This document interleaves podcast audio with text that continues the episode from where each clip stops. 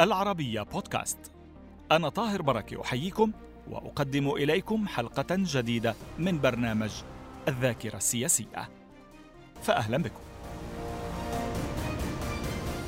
في الحلقة الخامسة من سلسلة مع الذاكرة السياسية يكشف رئيس الحكومة الأردني الأسبق عبد السلام المجالي كواليس المفاوضات التي قادت إلى توقيعه على اتفاق السلام بين الأردن وإسرائيل.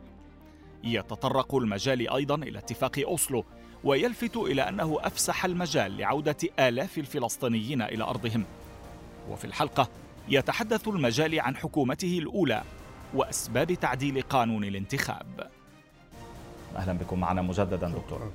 نتابع من الانتقادات التي وجهت لاتفاقية وادي عربة ويعني كيف تعاملتم مع مثل هذه المخاوف؟ يعني أن تصدر مثل هذه الانتقادات عند التفاوض وعند التوقيع ونتابع من المياه إذا سمحت. يقول المنتقدون صحيح أن المعاهدة أقرت بحصة الأردن المائية إلا أنها وضعت هذه الحصة بيد إسرائيل عبر تخزينها في بحيرة طبرية ما يعني أن حياة الأردنيين ستكون رهينة أو هي رهينة إسرائيل وما تريد. عجب هذا الانتقاد. أولا يعني المياه في أي محل في أي نهر. م. له يعني دول محيطة فيه ولها الاستفادة. لا يوجد قانون يظهر بالضبط قديش نسبة ولا طريقة الحسبة. في ناس بيحسبوها بالسكان في ناس بيحسبوها بالأراضي بالمنفعة الاقتصادية إلى آخره وين ما كان هيك حتى مثلا بنهر النيل كل نهر النيل ونهر الدانيوب كلها. فإحنا ما في ما كان في اتفاقية. نعم. الشيء الوحيد اللي كان متوفرا هو دراسة لمهندس مياه أمريكي اسمه جونسون. فهذا طرح هذا الاقتراح سنة الخمسين الدراسة طرحها. نعم. خصص لكل دولة كم من المياه. حكيت لنا في حلقة آه. سابقة حضرتك عن يعني الدراسة اللي قعدها آه. المهندس. هذا اللي اللي, اللي اصرنا عليه. فنحن أخذنا كامل مياهنا. قصة إنه ليش بنحط رقبتنا في طبرية؟ اولا يعني إحنا كان يهمنا أن يكون لنا حق في طبرية. لأنه أصلا في مشروع جونستون لما كانت الضفة الغربية معنا لنا حق في مياه من الطبرية 100 مليون. فلما طبعا صارت الآن الضفة الغربية لوحدهم أصبح هذا حقهم هم ال 100 مليون ونحن نكتفي باللي عندنا. ما كان في عندنا سد إن نخبي فيه ميتنا حتى إنه نأخذها بالشتاء لأنه الشتاء هو اللي بيكون فيه المطر وبتصير الفيضانات. فبيكون عندك خزان اللي بتستخدمه مشان الصيف. ما كانش في عندنا خزان. فطلبنا من إسرائيل إنها تخزن لنا المياه التي تأتي بالشتاء عندها وتعطينا إياها 25 مليون متر مكعب تعطينا مياه صالحة للشرب بدالها. من هون لحتى نبني سد. إذا ما بنينا السد كيف بدنا وين نودي المي؟ المي بتروح على البحر الميت بعدين كلها. والقناة اللي موجودة عندنا بسموها قناة الغور الشرقية ما بتقدر تأخذ كل المدد اللي بيصير في وقتها. ولذلك إحنا أصحاب المصلحة في هذا التخزين. الأمر الآخر كان في المعاهدة آه، بند بيقول إنه نحن والإسرائيليين بنحلي مياه مالحة في نهر الأردن. قيمتها 50 مليون والمياه هذه فقط للأردن. نعم. يعني بتتحلى وبتجي. تأخرت هذه تأخرت أصلا كثيرا فعرضوا علينا كان وقتها شارون عرضوا علينا أن يعطونا 30 مليون متر مكعب من طبرية من هون لحتى المشروع يقوم. ومن ذلك الوقت لليوم المشروع ما قام فبناخذ 30 مليون من طبرية. فأصبح لنا حق في طبرية. يعني صار لنا حق نأخذ مياه بموجب المعاهدة. لم يتم إعفاء الأردن من ديونه الخارجية تحديدا لأمريكا وأوروبا بشكل كامل وصار حديث بين الملك يعني عندما قال الملك حسين إن الشعب الأردني يرغب في التمتع بالثمار المادية للسلام دار حديث بين كلينتون ورابين في هذا الصدد. شو اللي صار في هذا الموضوع؟ اولا آه، ليس صحيحا إنه ما عادت. اولا أمريكا أعفت جميع الديون التي لها كحكومة على الأردن وساعدت كثيرا في حتى في القروض الدولية الرسمية في قسم موافق الدول. فوق ذلك قدموا مساعدات منذ المعاهدة لليوم تقدر بالبلايين. بلايين. بلايين. آه خاصة ونحن في تعود إلى سنة 1991 و92 نحن بسبب الحرب العراقية الكويتية احتلال الكويت وعدم دخولنا بالتحالف لأننا كنا نعتقد والملك حسين يعتقد أن الحل يجب أن يكون عربيا. مع كل أسف لم ينجح. طيب. واعتبروه إنه هو حليف إلى إلى إلى, إلى, إلى, إلى العراق. وعوقبنا بقطع جميع المساعدات العربية والأجنبية. مش بس المساعدات حتى سياسيا حتى البواخر اللي كانت تجيب بمعنى كان الأردن بحاجة ماسة في تلك الفترة. طبعا حالتنا المادية مساعدات إحنا بنعتمد آه، على المساعدات بكمية كبيرة المساعدات نعم. الأجنبية. وبنعتمد على كذلك التجاره من الخارج. فحتى أوراق الاعتماد يعني الاعتماد التجاري بطلوا يردوا علينا. مم. حتى الطلاب تاخذ فيزا صارت صعبة صرنا يعني دولة شبه عدوة لهم فلذلك قاسينا الأمرين. لكن لما جاء السلام آه، بالعكس أعفينا وأعطينا فلوس والآن كل هذه الفلوس انصبت في البلد.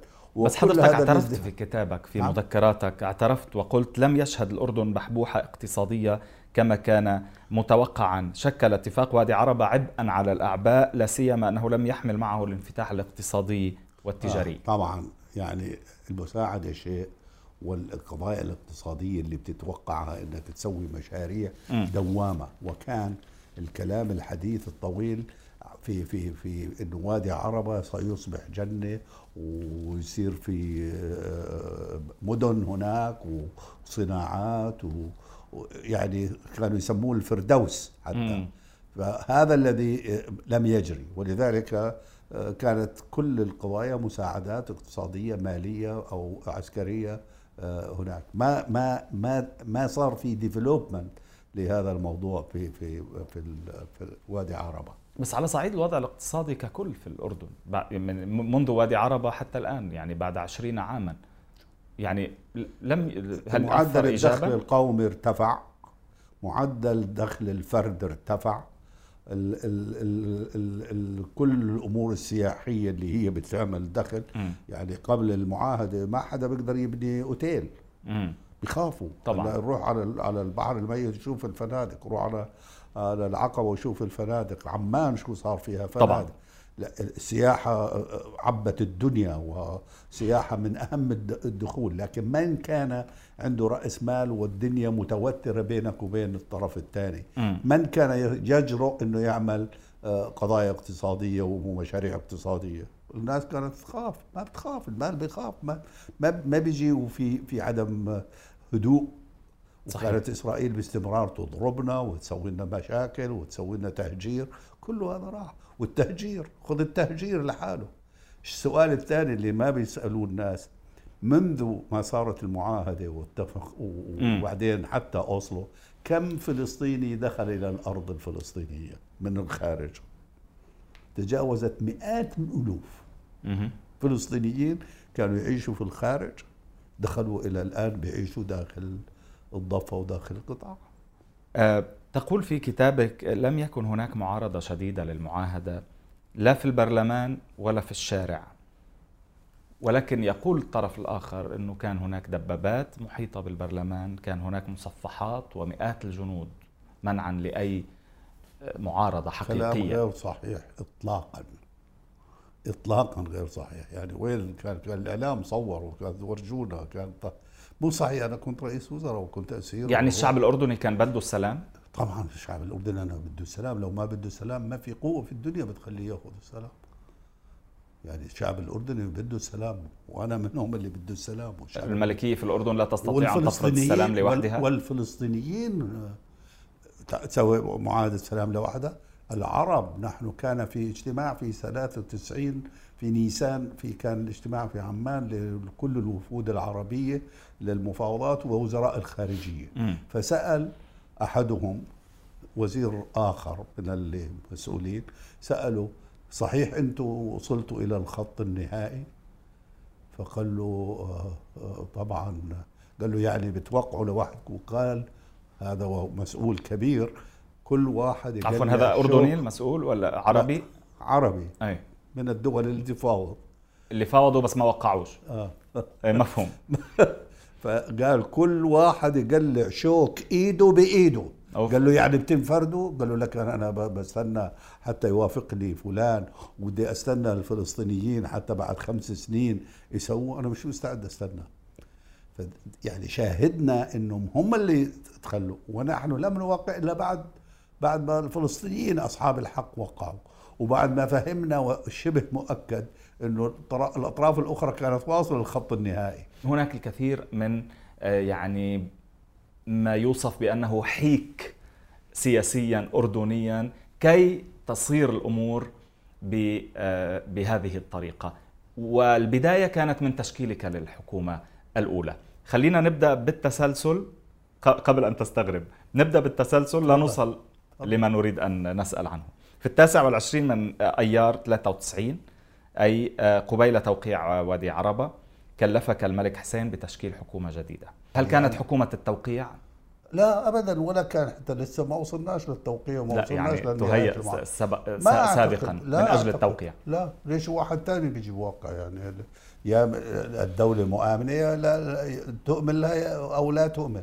وشكلت الحكومة في منتهى البساطة خصوصا إنه أنا بالصدفة يعني أنا سويت رئيس جامعة فبعرف كل المتعلمين سويت وزير تربية بعرف كل ال- اللي بالتربية بعرف كل اللي بالجيش لأني كنت مدير خ... يعني معرفتي في البشر وانتقاء من يكونوا وزراء كان سهل كان عليك. سهلا علي ليس كالآخرين. مم. وكنت أتوخى فيهم الإخلاص في الشغل والعمل وفعلا ألفتها وما أخذت معي يمكن 48 ساعة أو الملك 24 حسين لم يكن يتدخل في ذلك؟ ابدا. أنا شكلت حكومتين بعهده. ولم يتدخل اطلاقا. وأنا أذكر حتى واحد من الوزراء لما عرضت عليه قال قال لي إنه هذا يمكن ما بيفيدك يعني. بمعنى لا تأخذ. صحيح. قلت له لا والله يا سيدي كويس وبعرفه أنا منيح. قال لي والله أنا بعتقد ما بيفيدك قلت له والله لا كويس هاني اصرت قال لي هذه مسؤوليتك أنت حر وبتتحمل أنت اللي تتحمل المسؤولية وجبته معي يعني ما كان عندي مشكلة. بس بهالوقت كان آه، صحيح كل ثلاث أربع ساعات يتصل يسألك وين صارت الحكومة؟ لا طبعا هو دائما بيتصل هو هذه عنده- عادته يعني. عنده قاعدة وقال لي إياها، قال لي إذا طولت بهلكوك بالرجوات والوساطات. آه، بصير في ضغوطات. بتصير ضغوطات. فقال لي لا. المشكلة اللي هي كمان مع إنه يعني مشكلتي كانت أنا مش بس قص يعني اني إني شكلت حكومة جديدة. لم أدخل فيها أي نائب. صحيح. هذا ما أريد أن أسأل آه. عنه لم أدخل فيها نائب لأنني أؤمن بفصل السلطات بس بعدين غيرت. ولا غيرت.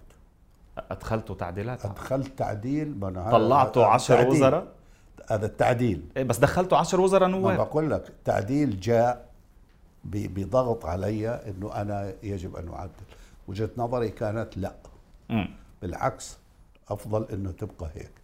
قالوا ربما هذا يؤثر في المجلس النيابي قلت لهم هيك حتى يعني لم أكن راضيا إنه وقتها إني أنا أسوي تعديل وبعدين مصلحة الوطن فوقي وفوق كل الناس فقبلت وأدخلت عشرة يعني هي ضغوط القصر عليك ضغوط القصر وضغوط الوطن يعني. ما هو القصر والوطن واحد فيعني ما هواش لصالح شخص فيعني ما هواش لصالح شخص. وإنما لصالح الوطن بس هو كان الهدف منها آه، يعني تمرير توقيع. ما أنا بالعكس أنا. بتصور حتى لو ما كانوا حتى ال- ال- ال- ال- اللي أدخلتهم ما كان صار شيء. يمكن كنا بناخذ أكثر من 54 لأنه في مزاحمة بين النواب أحيانا كيف فلان ليش ما فلان ليش فلان ما صار ليش فلان يصير. ممكن إنه نحصل على أصوات أكثر. مم.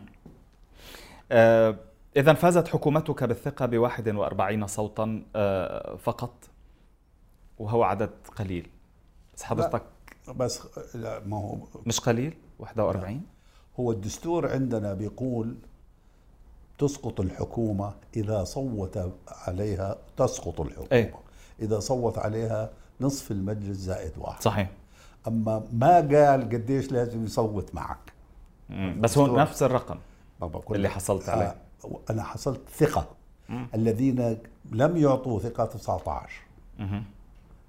والباقي امتنعوا والامتناع يعتبر لصالح الحكومة إيه صحيح بس فلذلك 19 من من 80 هم اللي بس طرح الثقة والامتناع لم يكن اعتراضا على آه، لا. المفاوضات السلام؟ لا وليش هلا ب- أي حكومة هلا بتاخذها كمان عندها معاهدة سلام كل مرة اللي ما بيعطي الحكومة. يعني بيكون في خذ أخرى. الإخوان المسلمين لا يعطوا أي حكومة قادمة أي وقت كان ما بيعطوهاش ثقه.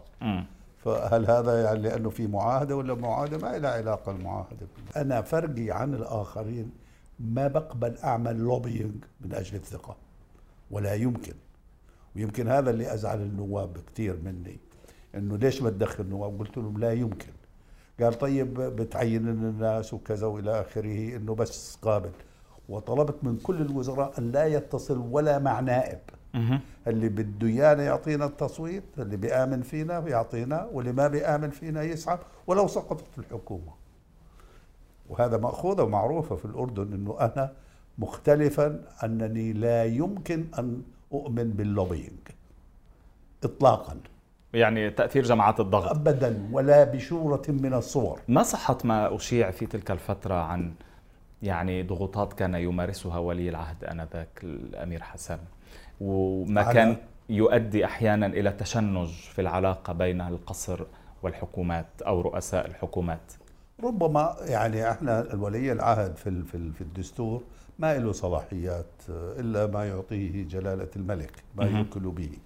فطبعا الدستور بيقول آه، جلالة الملك هو رئيس السلطة التنفيذية ينفذها عن طريق حكومة والحكومة مسؤولة وهو غير مسؤول. فالولاية هي للحكومة رئيس الوزراء والوزراء هم المسؤولين. حتى مسؤولين لو أعطاهم الملك أوامر شفوية أو تحريرية هم بت- بيتحملوا المسؤولية. نعم.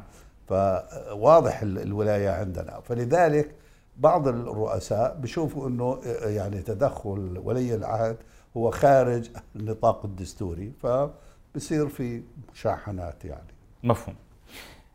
قمت أيضا بتعديل قانون الانتخابات خصوصا المادة المتعلقة بحق التصويت ما عرف بقانون الصوت الواحد. آه، يقال أن الهدف من وراء ذلك كان قطع الطريق على الإخوان المسلمين من الوصول إلى البرلمان. يعني إذا الناس بتقبل القسم بالله أقسم بالله أنه لم يكن ضد الإخوان المسلمين إطلاقا. أنا 89 كنت مستشار عند جلالة الملك. وصارت الانتخابات بموجب القانون القديم اللي هو كل آه، محافظة أو كل دائرة لها عدد من المقاعد. فدخلت إلى جلالة الملك قلت له أنا أريد أن أقيم دعوة دستورية ضد هذا القانون لأنه هذا غير دستوري. لأن الدستور بيقول الأردنيون متساويون بالحقوق والواجبات مهما كان اللون أو المعتد أو الدين أو الجنس أو أي شيء كلنا متساويين. قلت له يا جلالة الملك كيف أنا؟ أنا أنا بأتي من الكرك إلها سبع مقاعد. تسع مقاعد اثنين مسيحية وسبعة مسلمين. أنا نفسي إذا غيرت عنواني رحت للعقبة بطلع لي اثنين. طيب ما هو الدستور كيف بصير الدستور؟ هناك لك اثنين وهون لك تسعة. أنا إلي تسع نواب وذاك له اثنين. إذا ما في مساواة. فيجب أن يكون الصوت متساوي. إذا سبعة الكل سبعة. إذا تسعة كل تسعة. عشرة عشرة. واحد واحد. فسمي الصوت الواحد لأنه هو الرقم اللي كان ما عليه خلاف يعني رقم واحد. هذا هو الصوت الواحد. أما الناس بتخلط ما بين هذا الأمر وما بين القانون الذي يخصص للكرك كمنطقة اجتماعية. خصص لها كذا مقاعد خصص للمسيحية كذا مقعد. هذا قضايا اجتماعية مش مش من الدستور هذا يتفق ال- المجتمع عليه يعطي الكرك تسعة ولا سبعة ولا ستة. ودائما الاعتراض ليش الكرك هون لها تسعة؟ بينما عمان فيها آه، آه، قد الكرك عشر مرات أو أكثر وبيطلع لها بس عشرين. مفهوم بس دولة الرئيس كيف هذا هذا بتفسر؟ الخلط بينهم. كيف بتفسر تراجع الإخوان المسلمين بت- بانتخابات 93 هذا فسر على أنه القانون قطع الطريق أمام الإخوان للوصول أبداً. إلى البرلمان. كان لتمرير اتفاق السلام. مو صحيح. أو كل هذا ال- ال- المعارضه بتقول كل شيء بدها تقوله لكن هذا غير صحيح اطلاقا. وأنا ما كنتش لا وقتها لا في معاهدة ولا بغير معاهدة. لما ابديت وجهه النظر. أول مرة بال 89 إيه. ال- الإخوان المسلمين كسبوا بال 89 ال- ال- 24 عضو. ليه؟ لأنه مثلا الكرك. الكرك بلكي بعد ما كسبوا بال 89 اقترحت على الملك. لا لا لا هو 89 لا أنا 89 وأعطيته المثل هذا. قلت له في الكرك يوجد مقعدين مسيحيين وهذولاك مسلمين. ال ال ال الإخوان المسلمين طبعا هم الجهة المنظمة الوحيدة. اتفقت مع كم من عشيرة أخذوا كل الأصوات وحتى نجحوا المسيحية اثنين على البلاتفورم الإخوان. مم. واحد منهم كان رئيس الحزب الشيوعي. رئيس الحزب الشيوعي الأردني نجح بال بال بال بال بالقائمة الإسلامية. وواحد ثاني بماذا نجح؟ الإسلام هو الحل. فهذا غير صحيح. يعني لا يمثل تمثيلا صحيحا. الصوت الواحد كان يجب أن يكون معه دوائر. كل دائرة لها مقعد واحد. دولة الرئيس شكرا جزيلا مرة جديدة. نتابع وإياك في الحلقة المقبلة والحديث عن حكومتك الثانية وما حصل فيها أيضا آه، الكثير. شكرا جزيلا. يعني. هكذا إذا نكون قد وصلنا إلى ختام هذه الحلقة. أيضا من الذاكرة السياسية مع دكتور عبد السلام المجالي رئيس الوزراء الأردني الأسبق. شكرا لمتابعتكم وإلى اللقاء.